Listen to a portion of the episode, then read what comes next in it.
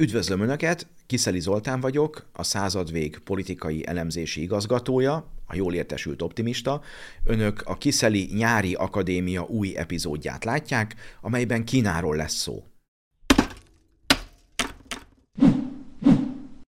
Kína egy óriási ország, eddig a föld legnépesebb országa volt, nagyjából 1,4 milliárd emberrel, India utolérte. Mind a két ország óriási kiterjedésű, azonban a lakosság viszonylag szűk területre zsúfolódik össze, jellemzően a tengerpartokra, vagy a nagyobb folyók völgyébe, ahol túlnépesedés van, és hát mind a két országban, Indiában is és Kínában is látunk részint óriási hegységeket, hegyvidékeket, illetve látunk mondjuk főként Kínában Kínában olyan részeket, mondjuk sivatagokat, amelyek nem alkalmasak az emberi lakhatásra, vagy csak nagyon kevesen laknak ott. Ilyen szempontból azért sok ember kis helyen elfér, de hát konfliktushoz is vezet. Az egyik fő konfliktus Kína és India között a Himalája gletszereinek a birtoklásáért zajlik. Itt értjük meg, hogy Kína miért foglalta el Tibetet, ugyanis ebben a térségben, a Himalájának ebben a magas hegyi térségében vannak azok a gletszerek, amelyek úgy a kínai, mind az indiai nagy folyókat táplálják. Tehát ez egy aktuális konfliktus, amely ott lappang a két nagy ország között. Mégis Kína számít fejlettebb országnak. A kínai GDP nagyjából 15 ezer milliárd dollár évente, az indiai ennek nagyjából a harmada, negyede, tehát egy óriási GDP-beli különbséget is látunk, holott mind a két országnak közel azonos a lakossága, és India nem kommunista egypártrendszer, hanem egy demokratikus ország, a legnépesebb demokráciának is szokták Indiát hívni, de mégsem tudtak úgy felzárkózni a, a, az elmúlt mondjuk 30 évben, mint ahogy azt Kína tette. Beszéljünk tehát Kínáról. Kína a polgárháború után két részre szakadt. A Kuomintang, amely egész Kínában a vezető párt volt, Shanghai Chek volt ennek a vezetője, és a japánok elleni polgárháborúban ez a párt vezette az ellenállást, majd idővel ugye Maónak a kommunistái átvették a vezetést, és amikor a japánokat kiszorították, akkor utána 1945-től egy polgárháború kezdődött, ami a kommunisták győzelmével végződött, és a, a Kuomintang kiszorult Tajván szigetére. Úgy kell elképzelni, hogy, hogy tényleg a, a műkincseket, a Pekingi Múzeumnak a, a, a legértékesebb darabjait átvitték Tajván szigetére, és oda menekültek azok az emberek, akik nem akartak a kommunista uralom alatt élni. Most nagyjából olyan bő 20 millió ember él Tajvánban, amelyet úgy hívnak, hogy kínai köztársaság, tehát az egész Kínának a korábbi nevét átörökítették a kínai köztársaságra, míg a szárazföldi Kínát úgy hívják 1949-től, hogy kínai nép köztársaság, ugye hát a szovjet rendszer, a kommunista rendszer ideológiájának megfelelően. Hát ugye Mao idejében megpróbálták szovjet mintára modernizálni az országot, hát nem vezetett túl jó eredményre, ugye éhínségek törtek ki, és egy olyan diktatúra alakult ki, ami visszafogta Kína fejlődését, és ehhez egészen a 80-as évek elejéig nem nagyon tudtak hozzányúlni. Igazából a 80-as évek volt az az időszak, amikor elindult egy reformpolitika. Itt nyilván a magyar tapasztalatokat is figyelembe vették, az 1968 utáni új magyar gazdasági mechanizmust, illetve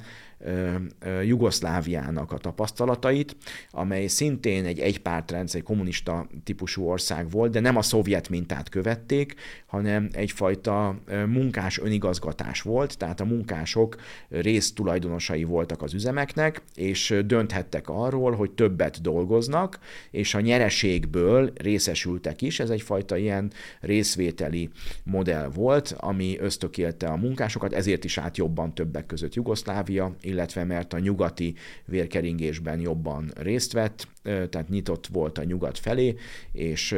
ez is egy szempont volt. Tehát a kínaiak a magyar és a jugoszláv tapasztalatokból merítettek leginkább,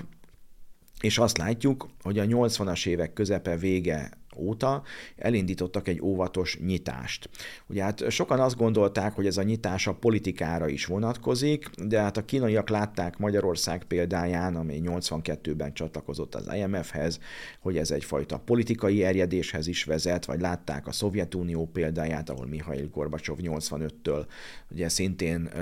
egy ilyen lazította az ideológiai ellenőrzésen, és azt látták, hogy ha egyszerre lazítanak a gazdasági és a politikai rendszeren, akkor az gyengüléshez vezet, ezért a kínai vezetők csak a gazdasági rendszeren lazítottak, az ideológiain nem, és ezért láthattuk azt, hogy 89 nyarán például, amikor Pekingben a diákok azt gondolták, hogy itt nem csak a gazdaságot kezdik el liberalizálni, hanem a politikai rendszert is, akkor ezt elkezdték követelni, azonban ezeket a tüntetéseket ugye vérbe folytották, tehát lehetett látni, hogy itt csak egy gazdasági liberalizáció, egy gazdasági nyitás lesz. És hát szintén magyar mintára a kínaiak átvették az úgynevezett joint venture rendszert. Ez azt jelentette, hogy beengedtek ugyan nyugati cégeket a piacukra, de olyan vegyes vállalatokat, ezek, ezek a bizonyos joint venture, ilyen vegyes vállalat kellett alapítaniuk, amelyben a kínai cégnek van 51 a és a nyugati befektetőnek 49. Tehát Magyarországon is így volt egyébként a 80-as évek végén, így engedtek csak be nyugati cégeket. Miért? Egyrészt, mert az 51% a többségi tulajdon az irányítást is magában foglalja. Tehát a legfontosabb döntésekben nem a külföldiek, hanem a hazaiak döntöttek. Kettő, hát ugye a nyereséget is akkor 49-51 arányban kell felosztani, hiszen ha ez a tulajdonrész, akkor a, a profitot is így kell elosztani. Ugye a döntés a profitról, a többségi, plusz ugye a profit aránya. Ez azért érdekes, mert a nyugati cégek dönthetnek, hogy vállalják ezt a feltételrendszert, vagy sem. Hát sokan vállalták, mert ezzel hozzáférést kaptak mondjuk 89-90-ben Magyarországhoz, magyar piachoz, illetve hát Kínában a 80-as évektől a kínai piachoz. Tehát ez volt a piacra lépés feltétele, ezt Magyarországon a rendszerváltás előtt, illetve Kínában egészen a mai napig elfogadják a nyugati cégek, mert másképp nem tudnak belépni ezekre a piacokra. Ugye hát a nyugati cégek Kínában szoros ellenőrzés alatt működnek. Ez azt jelenti, hogy ennek a tervutasításos rendszernek a részei, de hát a kínaiak is, ezért hoztam fel korábban a jugoszláv mintát, ugye hiába vannak ott is öt éves tervek, még a mai napig egyébként, ugye azért van egy privát gazdasági rész is, ami nyerességorientált, és hát a nyugati cégek jellemzően ebben a nyerességorientált piaci részben fejtik ki a tevékenységüket, tehát így lehet látni a kínai gazdaságot, ahol azért azért az állami tulajdon aránya csökken, ahogy a magántulajdonnak az aránya nő, de azért jellemzően a legnagyobb cégekben az 51 százalék valamilyen kínai állami tulajdonrész. Ugye ők is próbálják átállítani a gazdaságukat egy kapitalista gazdaságra, mert a tervutasításos gazdaság nem ösztönöz a többlettermelésre, nem ösztönöz arra, hogy az emberek jobban termeljenek, többet termeljenek. Ugye legyártottuk a termékeket, megkaptuk a fizetésünket, nem tudtunk vásárolni érte sok mindent, mindenki devizát akart keresni, hogy a, a, az kevés elérhető nyugati terméket státuszszimbólumokat, mint autókat, manapság már okostelefonokat, amik ugye láthatóak a hétköznapi életben, vagy olyan ruhadarabokat, amik nyugati prémium márkáknak a darabjai, hogy ezeket meg tudja venni, és ezzel az eredményességét, a státuszát tudja kifelé mutatni, ezért hívjuk státuszszimbólumnak. Tehát ugye Kínában ezt, ezt hogy nálunk is a 80-as években úgy oldották meg, hogy azzal, hogy elindulnak a kapitalizmus felé, ezzel igazából Kínában gyártják már ezeket a prémium termékeket, egyre inkább, és hát ezeket ugye Kínában is el lehet érni, tehát az ösztönzés megjelent, vannak milliómosok, milliárdosok is már Kínában, akik azonban továbbra is a kommunista párt szigorú felügyelete alatt fejtik ki tevékenységüket, és ha túl messzire mennek, akkor bizony eltűnnek egy-két hónapra, vagy akár hosszabb időre is, mint például az Alibaba tulajdonosa.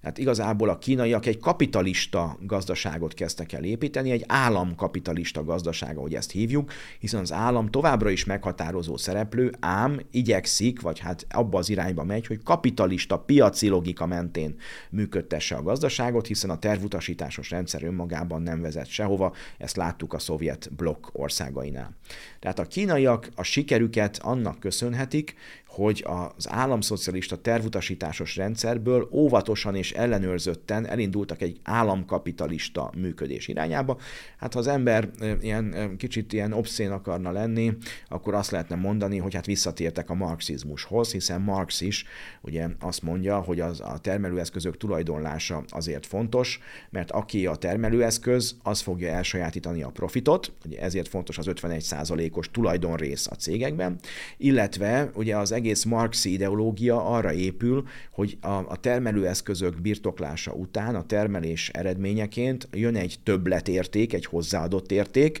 és igazából az határozza meg a hatalmi viszonyokat, hogy ezt a többletértéket hogyan osszák szét. És hát a kínaiak erre azt mondják, hogy 51%-ban a kínai állam, vagy az ahhoz kapcsolódó cégek, vagy bankok vonják magukhoz ezt a nyereséget, ezt a hozzáadott értéket, és ugye akkor a többség, a profit nagy része hozzájuk megy, akkor ők lesznek azok, akik ebből inkább profitálnak. A nyugati cégek meg azért 49%-kal legyünk őszinték, azért elég jól ki vannak fizetve ahhoz, ugye, hogy, hogy, hogy vállalják ezt, a, ezt az arányt. Egyébként a kínaiak ezen most változtattak, a tavalyi évben következett az be, hogy feloldották ezt a 49%-os limitet. Egy-két német autógyár lépett is ezzel a, ebbe az irányba, és például többségi tulajdont szerzett, az 50%-nál nagyobb tulajdont jelent a, a Kínában működő autógyártó vegyes vállalatokban. Tehát a kínaiak ezt most tették lehetővé, bő 30 évvel a, a, a, a vegyes vállalatok rendszerének bevezetése után. Ugye mi magyarok, amikor a kínai gazdaságról beszélünk, általában a kínai piacra gondolunk, vagy a kínai kereskedőkre, akik jellemzően olcsó, de hát eléggé gagyi termékeket árultak a 90-es évek elején. Hát azért őszinte, őszintességhez hozzátartozik az is, hogy nyilván azért hoztak ide ilyen termékeket, mert egyrészt ugye akkor tömegben ezeket tudták gyártani. Kettő, hogy mondjuk azért a, a, a kicsi kereslethez ilyen termékek járulnak, tehát nyilván, hogyha több pénze van valakinek, akkor tud jó kínai terméket is venni, de hát aki, aki kevés pénzt szánt egy ilyen termékre, az az ilyen minőséget kapott, és hát ugye az olcsó húsnak híga leve elv alapján mi magyarok is rájöttünk arra, térség nagyon sok emberével hasonl, emberéhez hasonlóan, vagy akár a világ többi részén, Afrikában, Ázsiában is ugyanez játszódott le, hogy lehet, hogy olcsó egy ilyen termék, de hát hogyha mondjuk az ember vesz egy olcsó cipőt, és hamar tönkre megy, akkor lehet, hogy mondjuk még egy, vesz ember egy rendes cipőt több pénzért, addig olcsó cipőből kettő-hármat elkoptat, viszonylag hamar, míg mondjuk egy, egy, egy drágább cipőből egy is elég, és ugyanannyi időt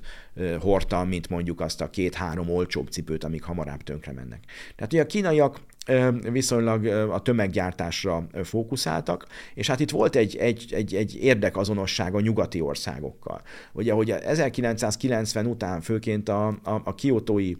klímacsúcstól a nyugatiak eldöntötték, hogy csökkentik a CO2 kibocsátást, így a, a, a környezetszennyező termelésnek egy részét áthelyezték Kínába. A kínaiak örültek ennek, mert addig nem volt semmi, vagy csak ilyen, ilyen tervutasításos rendszer. Ahhoz,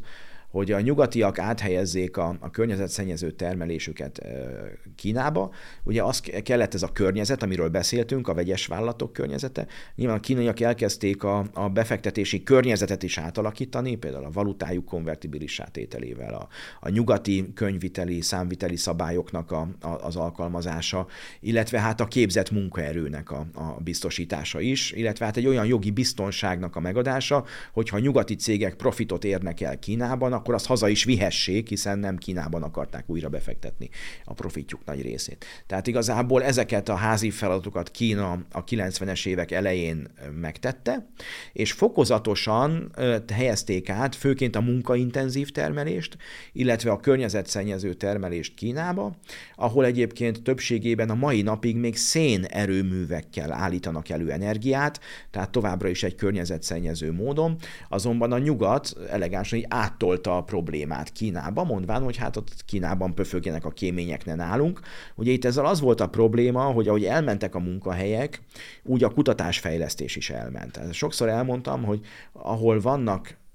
műhelyek, vannak gyártósorok, ott ugye a mérnökök is ugye nézhetik a termelést, vagy a munkásoknak is ugye eszükbe jutnak dolgok, és akkor rögtön tudják a fejlesztéseket ott helyben eszközölni. Persze lehet a számítógép, asztal mellett is kutatni, ilyen is van, de sokkal jobb, hogyha mondjuk az ember beszélget azokkal a munkásokkal, akik a gyártósor mellett vannak, vagy ha valamit ki akarnak próbálni, akkor azt ott rögtön helyben kipróbálhatják, vagy megkérdezhetik a szakikat, akik esetleg már 10-20 évvel korábban is ott dolgoztak, hogy hát van egy ilyen ötletem, volt-e már hasonló kezdeményezés. Tehát ha nincs termelés helyben, akkor ezt lehet csinálni, csak nem érdemes. Tehát igazából ezek azok a dolgok, amiket Európa és az USA is elvesztett, azonban a cégek óriási profitra tettek szert, hiszen egyrészt Kínában olcsóbb a munkaerő és olcsóbb az energia, ezért az ott ugyanolyan minőségben legyártott termékeket, ha nyugaton adják el a korábbi áron, nagyobb lesz a profit. Ugye ebből le kell adni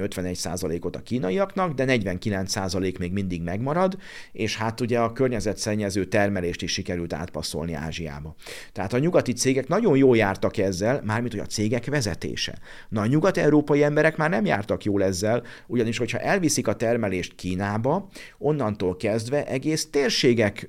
lettek ipar nélkül, és hát azért az ipari munkahelyekre szépen az értéklánc mentén ugye rátelepülnek azok a kereskedelmi munkahelyek, mondjuk a boltok, éttermek,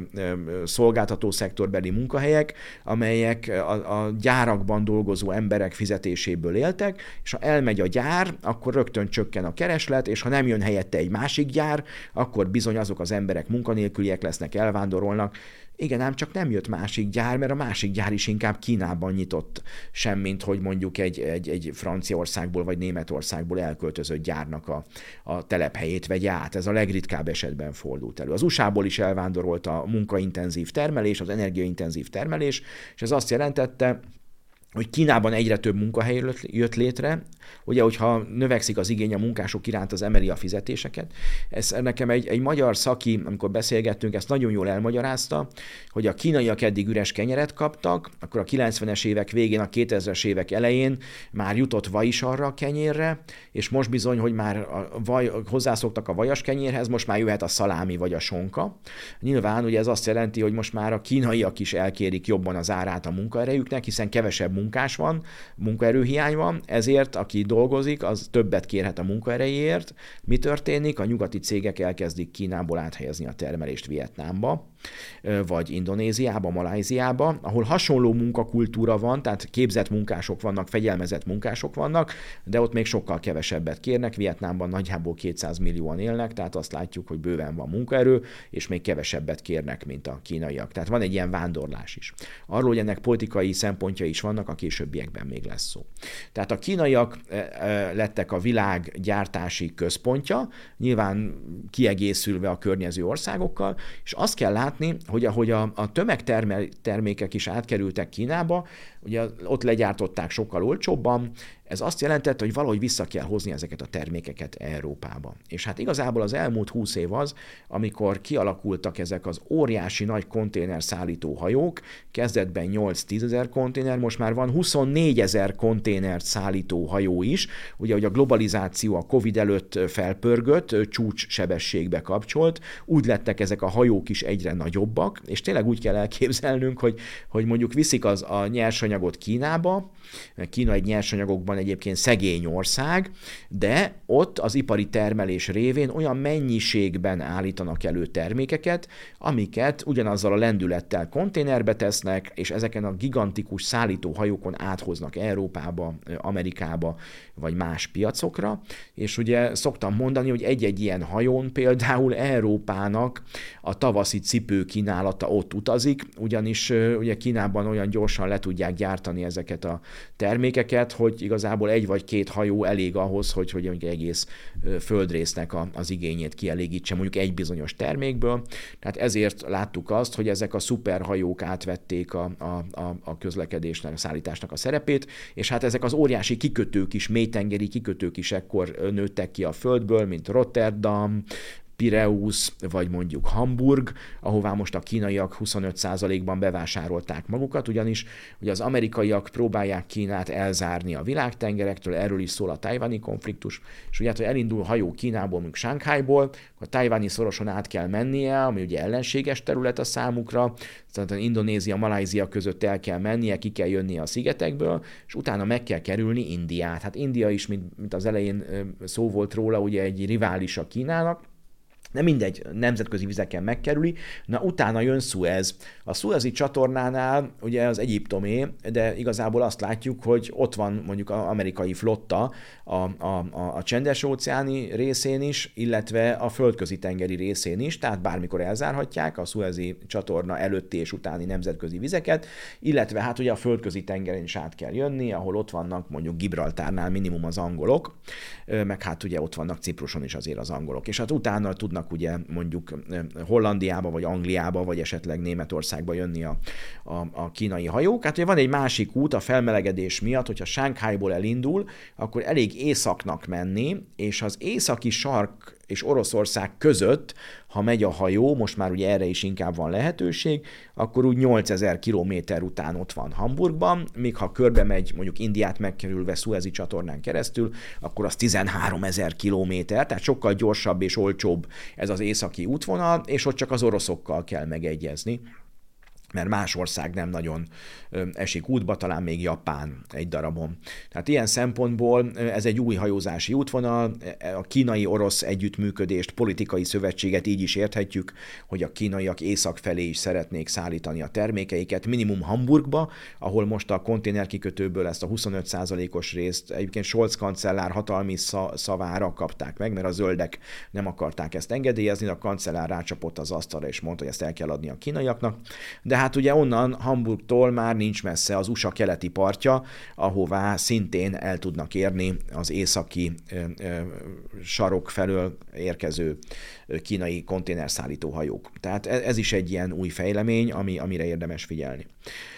Hát ugye a kínaiaknak a legnagyobb lépés az a 2001-es WTO tagság volt, ez a világkereskedelmi szervezet, ami egy nagyon komoly lépés volt tényleg Kína számára, ugyanis ez azt jelentette, főként az amerikaiak csak akkor járultak hozzá, hogyha a kínaiak törvényeket hoztak, ez nagyon fontos, nem elég megígérni, bizonyítani is kell. Tehát ez azt jelentette, hogy a kínaiaknak olyan törvényeket kellett hozniuk a 2000-es évek legelején, főként a, a, a, a WTO csatlakozás kapcsán, amelyek a szellemi tulajdon védelmét biztosítják. Ugyanis hát korábban a kínaiak, ahogy egyébként a, előttük a japánok, meg a dél-koreaiak ugye az ipari kémkedéssel is mondjuk finoman a merítettek a nyugati országok tudásából, ugye a kínaiak is merítettek a nyugati országok tudásából. Erre már nem emlékszünk, de mondjuk a, a második világháború után a japánok elmentek Nyugat-Németországba, megnézték, hogy kell fényképezőgépeket csinálni, most ők csinálják a világ legjobb fényképezőgépeit. Elmentek Detroitba, megnézték, hogy kell autót csinálni, ma a japánok gyártják a világ legmodernebb autóit. Elég arra gondolni, hogy a világ első hibrid autóját a, a japánok állították elő 20 éve, és a világ első sorozatban gyártott hidrogénautóját is a japánok gyártják. Tehát a, egy, egy vitathatatlanul a világ élvonalába tartoznak a japán autógyártók. De hát ez Detroitban lesték el az amerikaiaktól, hogy ez hogy működik, aztán nyilván tovább fejlesztették, hiszen japánok is okos emberek, csak arra kell rájönni, arra az első három-négy lépésre kell rájönni, amit az amerikaiaktól á, idézőjelben átvettek. Tehát a kínaiak is hasonlóan működnek, szokták mondani, hogy a kínaiak mindenből hármat vesznek, az egyiket szétszerelik,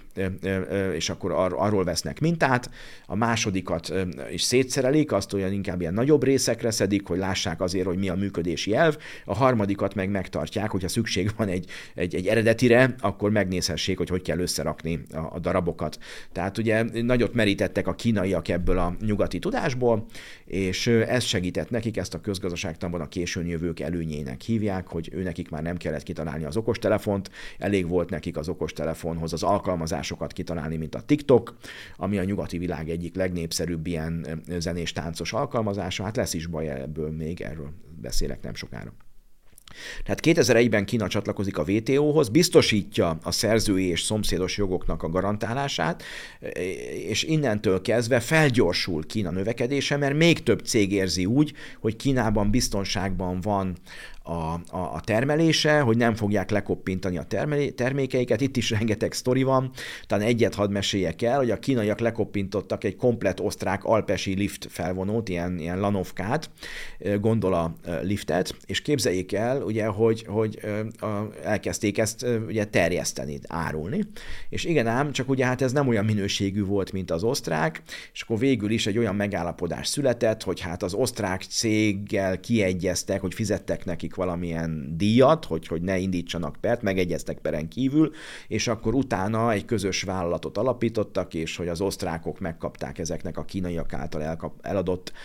koppintott gondolalifteknek meg a karbantartási jogát, és akkor ezzel úgymond kárpótolták őket, de hát ugye már addigra a, a kínai cég egy, egy komoly piacot szerzett, minimum Kínában, vagy azokban az országokban, ahol ezek a kérdések még nem annyira szabályozottak. Tehát 2001-től gyorsult fel ez a folyamat, onnantól látjuk ezeket a látványos képeket is, amikor Shanghai 1990-ben és most, vagy Peking egyes részei. Tehát ilyen szempontból a kínai gazdaság egy óriási növekedésnek indult, ezekből a folyamatokból kiindulva, amikről beszéltem, plusz a kínaiak ugye megkapták Hongkongot 97-ben, visszakapták pontosabban, lejárt a száz év, és hát azt látjuk, hogy egy nagyon tudatos tevékenység zajlik Kínában, ugyanis ö, elsorvasztják ezeket a korábbi gyarmatokat, főként Hongkongot, ami egy komoly kereskedelmi és tőzsde központ is volt, és hát a, a kínai szárazföld korábbi kereskedelmi központját, Shanghai-t kezdik el fölépíteni, elsorvasztják a hongkongi tőzsdét, hogy a Shanghai tőzsde erősödjön.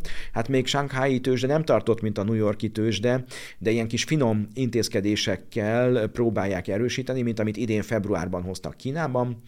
hogy a kínai állami cégek, és ide érthetjük a, a kínai vegyes vállalatokat is, amelyek kínai többségben vannak, már nem használhatnak a négy nyugati nagy könyvvizsgáló cég szolgáltatásaiból. Ez azt jelenti, hogy ha nem a nagy, négy nagy nyugati könyvvizsgáló cég auditálja a kínai leányvállalatoknak a, a mérlegét, az azt jelenti, hogy mondjuk a New Yorki tőzsdén nem fogják elfogadni azt a mérlegbeszámolót. Mi történik? Ha New Yorkban ez nem működik, működik viszont Kínában. Plusz, ugye, hogyha a nyugati mérleg könyvvizsgáló cégek nem vizsgálódhatnak, akkor a kínai cégeknek egy plusz piacot szereztek, és ezek a kínai cégek lesznek azok, amelyek a Sánkhái tőzsdén például elfogadottak. Tehát így is ez egy kettéválást eredményez, de azt látjuk, hogy a kínaiak nagyon tudatosan pumpolják azt látjuk, hogy nagyon tudatosan pumpálják a sánkhái tőzsdét, és próbálják a New Yorki tőzsde riválisává tenni. A Kínában a 2000-es évek óta elindult egy, egy építkezési boom, egy ingatlan lufi. Ez azt jelenti, hogy, hogy az emberek gazdagodnak, és egyre magasabb a jövedelmük, nem tudnak mit kezdeni vele, a fogyasztás ugye egy idő után már kipipálva, pláne látjuk a japánoknál is, hogy kislakásokban laknak, tehát nem tudnak annyit fogyasztani, hogy hogy, hogy, hogy mondjuk nem tud egy nagyobb lakást venni, mert azt nem engedheti meg magának, vagy nem tud mondjuk egy autót tartani, mert mondjuk nincsen parkolóhely a, a panelház előtt, mert mondjuk tudom én, ezren laknak a panelházban, nincs ezer autónak hely, ezért nem tud ezer ember autót venni, tehát azt látjuk, hogy egy bizonyos idő után már, amikor mindene megvan, onnantól kezdve már a pénzének egy részét nem tudja elkölteni, a Covid alatt nem tudtak külföldre utazni, mit csináltak? Lakásba fektették. Tehát kialakult Kínában egy ilyen ingatlan lufi, ami ahhoz vezetett, hogy óriási óriási építési tevékenységbe kezdtek, és hát ugye rengeteg lakást építettek, főként a nagyvárosokban. Ez azt eredményezte, hogy ez hitelből történt, és hát ugye a, a, a hitel az úgy néz ki, hogy ma megveszek valamit mondjuk százér, főként hitelből, mondjuk 80 hitelből veszek százér valamit, van 20 saját pénzem, abban a reményben, hogy amit most százér veszek, 80 egységben hitelből, azt majd el tudom adni 200 vagy 500 egységért, és abból visszafizetem a 80 hitelemet, plusz még marad bőven pénzem, és abból mondjuk újabb befektetéseket eszközölök. Hát ugye Amerikában ez már 2006-7 magasságában kipukkadt ez az ingatlan lufi, Kínában most még ez pörgetik, hát a Covid alatt lelassult valamit ez a, ez a lufi, tehát kicsit lehűtötték a kínai gazdaságot, de azt látjuk, hogy a kínaiak kicsit fázis késéssel, egy 15 éves késéssel ezt az amerikai csúnya szó, ilyen másodlagos ingatlan piaci lufi volt ez Amerikában, Kínában ilyen elsődleges piacról beszélhetünk, de lényeg az, hogy ott is ez a lufi azért szép nagyra fújódott fel. Hát a kínaiak próbálják ezt lassítani a hitel konszolidációval. Tehát igazából Kína sikere itt jelenik meg, és hát ahogy növekedett Kína ereje, mint mondtam, ilyen 15 ezer milliárd dollár az éves GDP, az USA-nak nagyjából 20 ezer milliárd dollár, csak hát Kína mondjuk 30 éve még messze a fasorban sem volt, most meg már nagyjából egy szinten van a, a, az USA-val. Tehát a 15 ezer és 20 ezer között nincs akkor a különbség, csak hogy érezzük a különbségeket, mondjuk a német GDP az 4 ezer milliárd euró, tehát azt látjuk, hogy az USA 20 ezréhez képest a németek 4 ezeren vannak, vagy a kínai 15 ezer milliárdhoz képest Németország 4 ezer milliárd, Franciaország olyan, olyan 3000, Anglia 3500, Olaszország ilyen 2800 milliárd euró, Oroszország ilyen 1800 milliárd euró. Tehát a, a kínai GDP az USA-éval van egy súlycsoportban, ezt már mondhatjuk. Az USA nyilván vezet, tehát ez vitathatatlan, de ha meghosszabbítjuk a kínaiak vonalát, akkor az emelkedik, az amerikai meg lassabban emelkedik. Tehát igazából itt látjuk annak a, a, a, a veszélyét, amikor a nyugatiak rendszer szintű riválisként beszélnek Kínáról, ugyanis ha minden úgy marad, mint most, akkor a nyugat stagnál egy nagyon magas szinten, de a kínaiak meg dübörögnek és jönnek föl, hát egy nagyon alacsony szintről, de azért szépen jönnek föl. És hát ezt akarja a nyugat megakadályozni. Tehát ez, ebből jönnek azok a konfliktusok, amelyeknek most sajnos mondhatnánk, egyre inkább a szemtanúi vagyunk. Ugyanis a kínaiak nagyon tudatosan építkeznek. Ugye amikor Trump elnök kirakta a Huawei-t a, a, a nyugati alkalmazások közül, akkor a kínaiak rögtön létrehozták a saját harmónia operációs rendszerüket, illetve a kínai állami hivatalokban, a hadseregnél, párt irodákban már csak kínai gyártmányú számítógépek vannak, kínai operációs programmal. Ez azt jelenti, hogy megpróbálják a, a függőséget a nyugati, főként amerikai számítástechnikai eszközöktől csökkenteni, illetve a kém szoftverek lehetőségét minimalizálni. Tehát ez az egyik, ez már a szétválásnak az egyik része, hogy a kínaiak már a saját rendszerükben vannak. A legutóbbi öt éves tervet, amikor elfogadták, két éve, akkor a kínaiak úgy döntöttek, hogy egy kétforgásos gazdaságot kell létrehozni, mert látják, hogy nem fognak tudni örökké ennyit exportálni. Ez azt jelenti, hogy az első, első kör az a belföldi fogyasztást jelenti, magyarul tudják, hogy egy idő után már nem exportálhatnak külföldre, főként Nyugat-Európába, és azokat a piacokat, amiket el fognak veszíteni, tenni nyugaton, mondjuk, hogyha betiltják a Huawei-t, vagy a Xiaomi-t, vagy más kínai termékeket, akkor azt, amit nem tudnak eladni nekünk nyugaton, azt el fogják tudni adni Kínában, hiszen ha a kínai középosztály gyarapszik, vagy többen emelkednek fel a középosztályba, nekik is szükségük lesz okostelefonra, és akkor az nem nyugati lesz, hanem kínai. Ezt úgy szoktam mondani, hogy a legszegényebb amerikai autóval megy a város széli szupermarketbe leértékelt tejet venni, mert nincs pénze csak leértékelt árura, míg a legszegényebb kínai ma is egy bicikliről álmodik. Csak hát ugye egyszerűbb mondjuk egy biciklit gyártani, mint mondjuk ugye valakinek lemondani mondjuk az autóról, vagy arról az életszínvonalról, amit nyugaton megszokott. Tehát azt látjuk, hogy a kínaiak fölkészítik a saját gazdaságukat arra az időre, amikor a nyugati export mértéke csökken, illetve a második kör, ami az, ami az import kiváltását jelenti, tehát pont arról van szó, hogy az eddig nyugatról vásárolt dolgokat kiváltsák saját termelésű eszközökkel. Itt most egy nagyon durva háború zajlik, egy ilyen kereskedelmi háború a félvezetők terén. Ugye az amerikaiak megtiltották, Hollandiában van a világ legjobb ilyen cége, hogy a chipgyártó gépsorok sokat eladják Kínának. Hát a kínaiak most arra fektetnek szinte minden energiájukat, hogy saját chipgyártó gépsorokat fejlesztenek ki. Most a kínaiak a 14 nanométeres szintnél tartanak, ugye e, erről most hamarosan elérik a 7-es, 7, 7 nanométert, és ugye ahol az amerikaiak most tartanak, a tajvani chipgyárak kapcsán, az most a 3 nanométer. Ami kijön most ősszel új amerikai laptop, az például már 3 nanométeres lesz, és azt várják, az M M3-as chip például, hogy ez sokkal kisebb térfogaton, sokkal gyorsabban működik, kisebb energiafelhasználással, értsd, az akkumulátor sokkal tovább fog tartani, egy töltés tovább fog tartani ezeknél az új modelleknél, és a kínaiak most ott tartanak, hogy már a 7 nanométerre leküzdötték magat, ami Amerikában egy ilyen két évvel ezelőtti szint, és hát nyilván azt akarják, hogy ők is a 3 nanométeres szintre lérjenek, hát hogy ezt a két éves lemaradást, amire most leküzdötték a hátrányukat, hogy ez egy évre vagy annál kisebbre csökkenjen, és hát ami a legveszélyesebb a nyugat szempontjából, hogyha a kínaiak képesek lesznek saját chipgyártó gépsorokat előállítani, akkor onnantól kezdve már nem függenek a nyugattól. Tehát nagyon durva verseny zajlik. Ugye aki nézte a, a, a gázvezetékekről szóló részt korábban, a, az idei télen, az például láthatta, hogy a, a, az 1900-as évek elején ugyanilyen verseny volt például a hadihajóknál,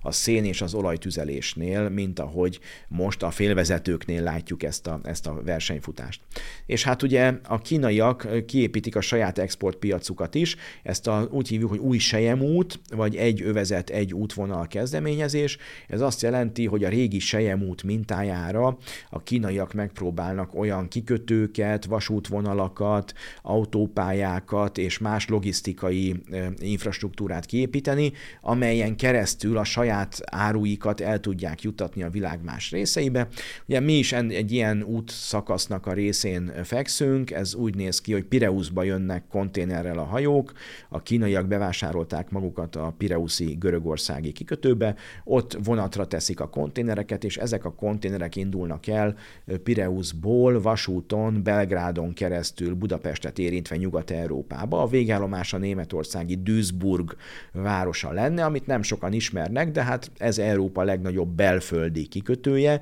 Az a jelentősége, hogy ez Nyugat-Németországban van, inkább északon,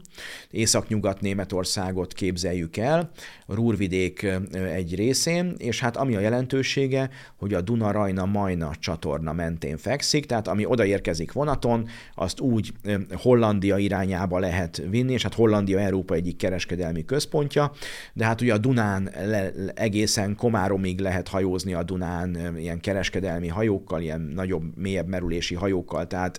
Németországból egészen Komáromig lehet hajón szállítani nehezebb súlyokat, illetve hát a Rajnán pedig egészen Svájcig lehet fölfelé hajózni. Ugye Svájc is egy nagyon komoly ipari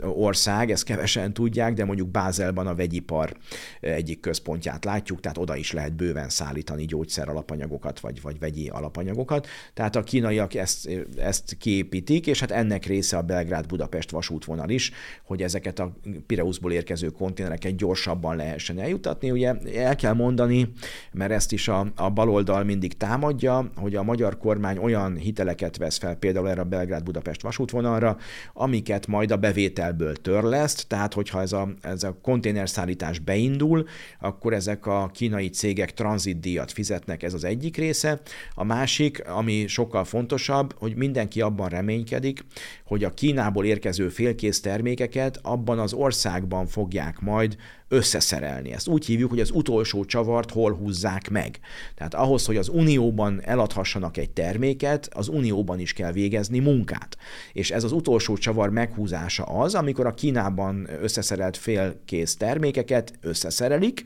esetleg valamilyen plusz-plusz tevékenységet is tesznek hozzá, és az a profit az na ott csapódik le. Tehát a magyar kormány számíthat arra, hogyha a Kínával folytatja a kölcsönösen előnyös és a kölcsönös tiszteleten alapuló együttműködést, akkor a kínaiak Magyarországot fogják választani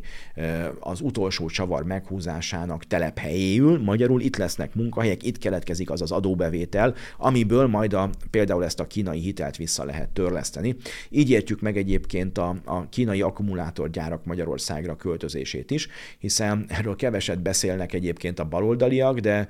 azok a német luxusautók, amiket Győrben vagy majdan Debrecenben fognak gyártani, azokra bizony másfél évet vagy egy évet kell várni. Tehát vannak olyan gazdag emberek, akik másfél évet is várnak egy új német luxusautóra. És hát, hogyha ugye fölpörgetik a termelést Magyarországon, például ezeknek az új gyáraknak a segítségével, az azt jelenti, hogy akik most sorban állnak és alig várják, hogy egy ilyen autó tulajdonosai lehessenek, gyors gyorsabban jutnak az autójukhoz, tehát a, ez, ez, olyan termékek készülnek Magyarországon, amelyekre van igény, van fizetőképes kereslet.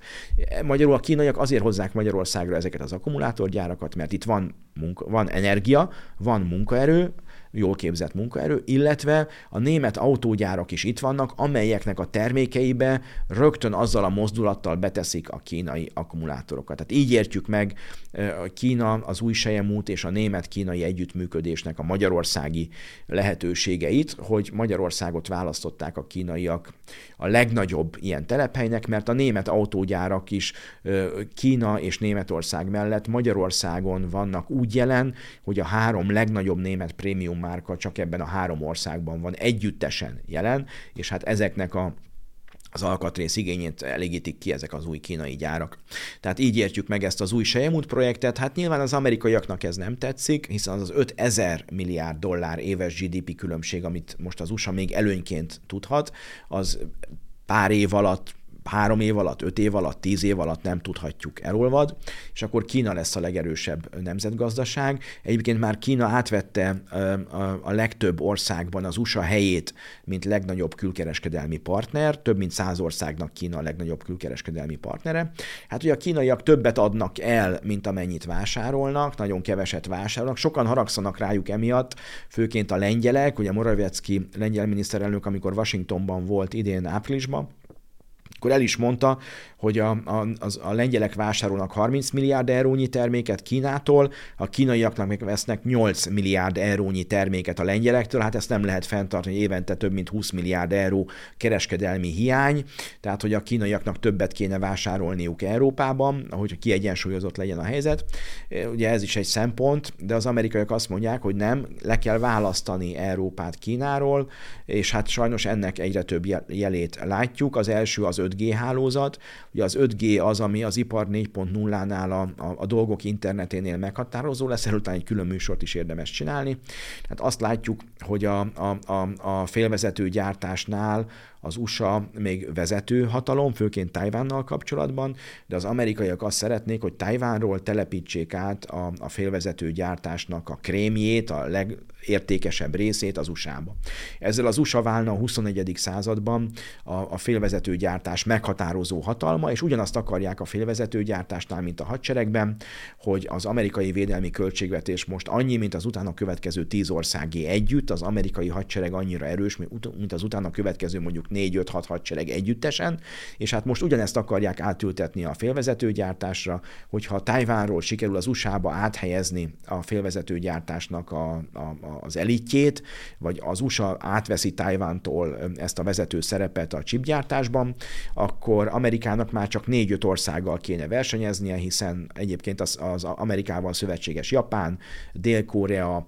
Tajván a három legfejlettebb chipgyártó nemzet a világon, és utána jönnek talán a kínaiak, és utána lemaradással a többi ország. Tehát ilyen szempontból az USA meg tudná őrizni a 21. században a digitális technológia terén azt a vezető szerepét, amit most az olajra épülő dollárnál még élvez, és ezt akarják átvinni a digitális technológiára, hogy a dollárt a digitális technológiához kötik, a digitális technológia vezető szerepe meg Amerikában van, és így ugye a többi ország kénytelen lesz, hogyha a kütyüket akarja használni, ha a GPS-t akarja használni, vagy ha az amerikai fegyvereket a GPS-szel célba akarja juttatni, kénytelen lesz amerikai digitális előfizetéseket használni, és ez dollárban, ami az amerikaiak következő mondjuk 50-80 éves vezető szerepét bebetonozná. Hát a kínaiak ezt nem akarják megvárni, Láttuk, hogy Kínának korábban 3000 milliárd dollárnyi amerikai állampapírja volt, azért vásároltak amerikai állampapírokat, hogy az amerikaiaknak legyen pénze, hitele, és akkor ebből a hitelből tudtak Kínában gyártott termékeket vásárolni, csak hogy látjuk, hogy egyik napról a másikra az orosz nemzeti banknak a külföldi betétjeit befagyasztották, a kínaiak ezt nem akarják megvárni, ezért most már 1000 milliárd, 1000 milliárd dollárra csökkentették a, az amerikai állampapír állományukat, erősen csökkent, pont azért, hogyha konfliktus lesz, akkor ez a pénz ne ragadjon bent Amerikában, és hogy az amerikaiak egyre kevesebb kínai terméket vásárolnak, stratégiai termékeket már nem is vásárolnak, úgy a kínaiak sem akarják már finanszírozni az amerikaiak fogyasztását vagy fegyverkezését. És hát itt tartunk nagyjából most, hogy a kínaiak nagyon sok területen utolérték az amerikaiakat, a nyugatot, ez főként érvényes egyébként a technológiai kérdésekre, gépgyártásra, járműgyártásra.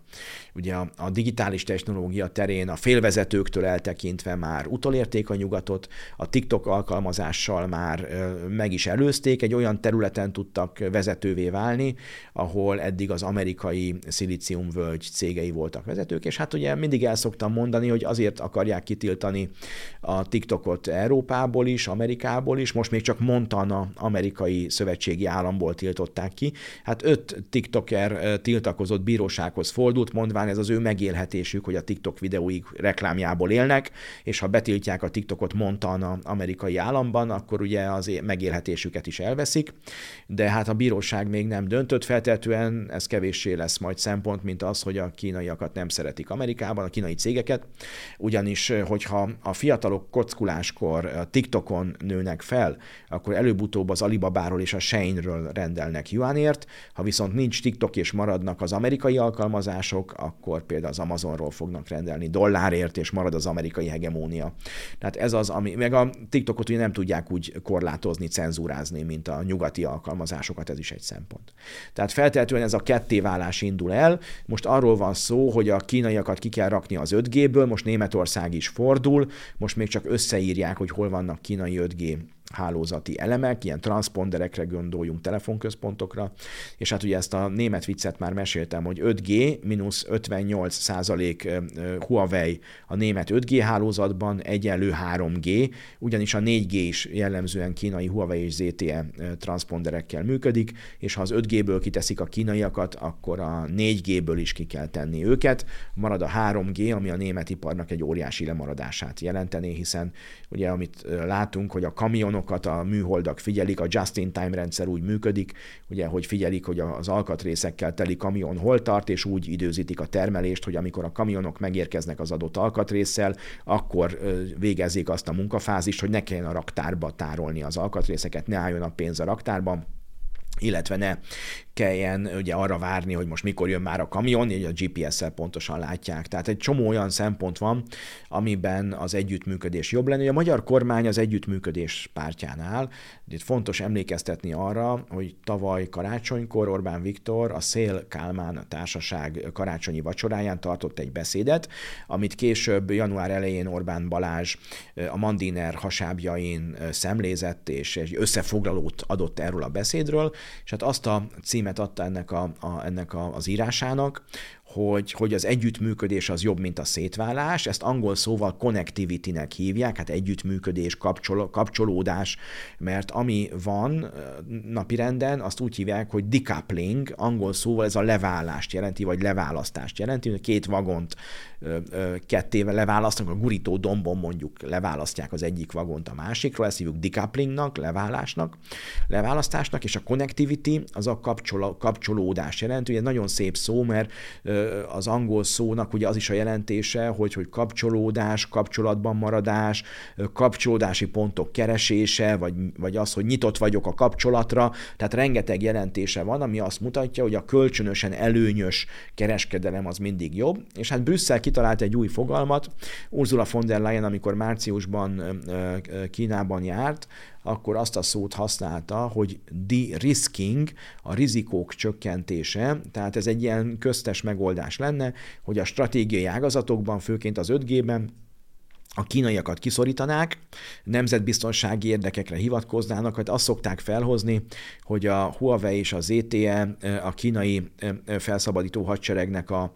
a, a leányvállalata. Hát ebből annyi igaz, hogy a cég alapító korábban katonatiszt volt, és a, a kínai népi felszabadító hadseregnek egy ilyen műszaki egységénél szolgált, de hát ugye ő megalapította a cégét, és azóta ugye ő a cégével foglalkozik. Illetve van egy kínai nemzetbiztonsági törvény, amit nagyjából 5 éve fogadtak el, és ennek az a lényege, hogy minden kínai cégnek együtt kell működnie a kínai biztonsági szervekkel, Hát ha megnézzük, Amerikában ez ugyanígy van, vagy ne gondoljuk, hogy Németországban a német cégeknek nem kell együttműködniük a német biztonsági szervekkel, tehát a kínaiak ugyanazt alkalmazzák, mint a többiek, és hát erre hivatkozva ugye a kémkedés gyanúja lengi körül ezeket a kínai transpondereket. Hát én mindig el szoktam mondani ilyenkor, amikor ilyen, ilyen kémkedési történetek jönnek, hogy nekem egy amerikai okostelefonom van, egy német cégnél van az előfizetésem, és hát kínai transpondereken keresztül jut el a hangom a beszélgető társhoz, aki a vonal túlsó végén van, tehát hogy, hogy akkor most hány ilyen ö, ö, együttműködő céggel állok én kapcsolatban, míg mondjuk megbeszélek valakivel valamit a telefonomon, vagy mondjuk ugyanez érvényes talán a, a, az internetes kapcsolatomra is, tehát azt láthatjuk, hogy, hogy azért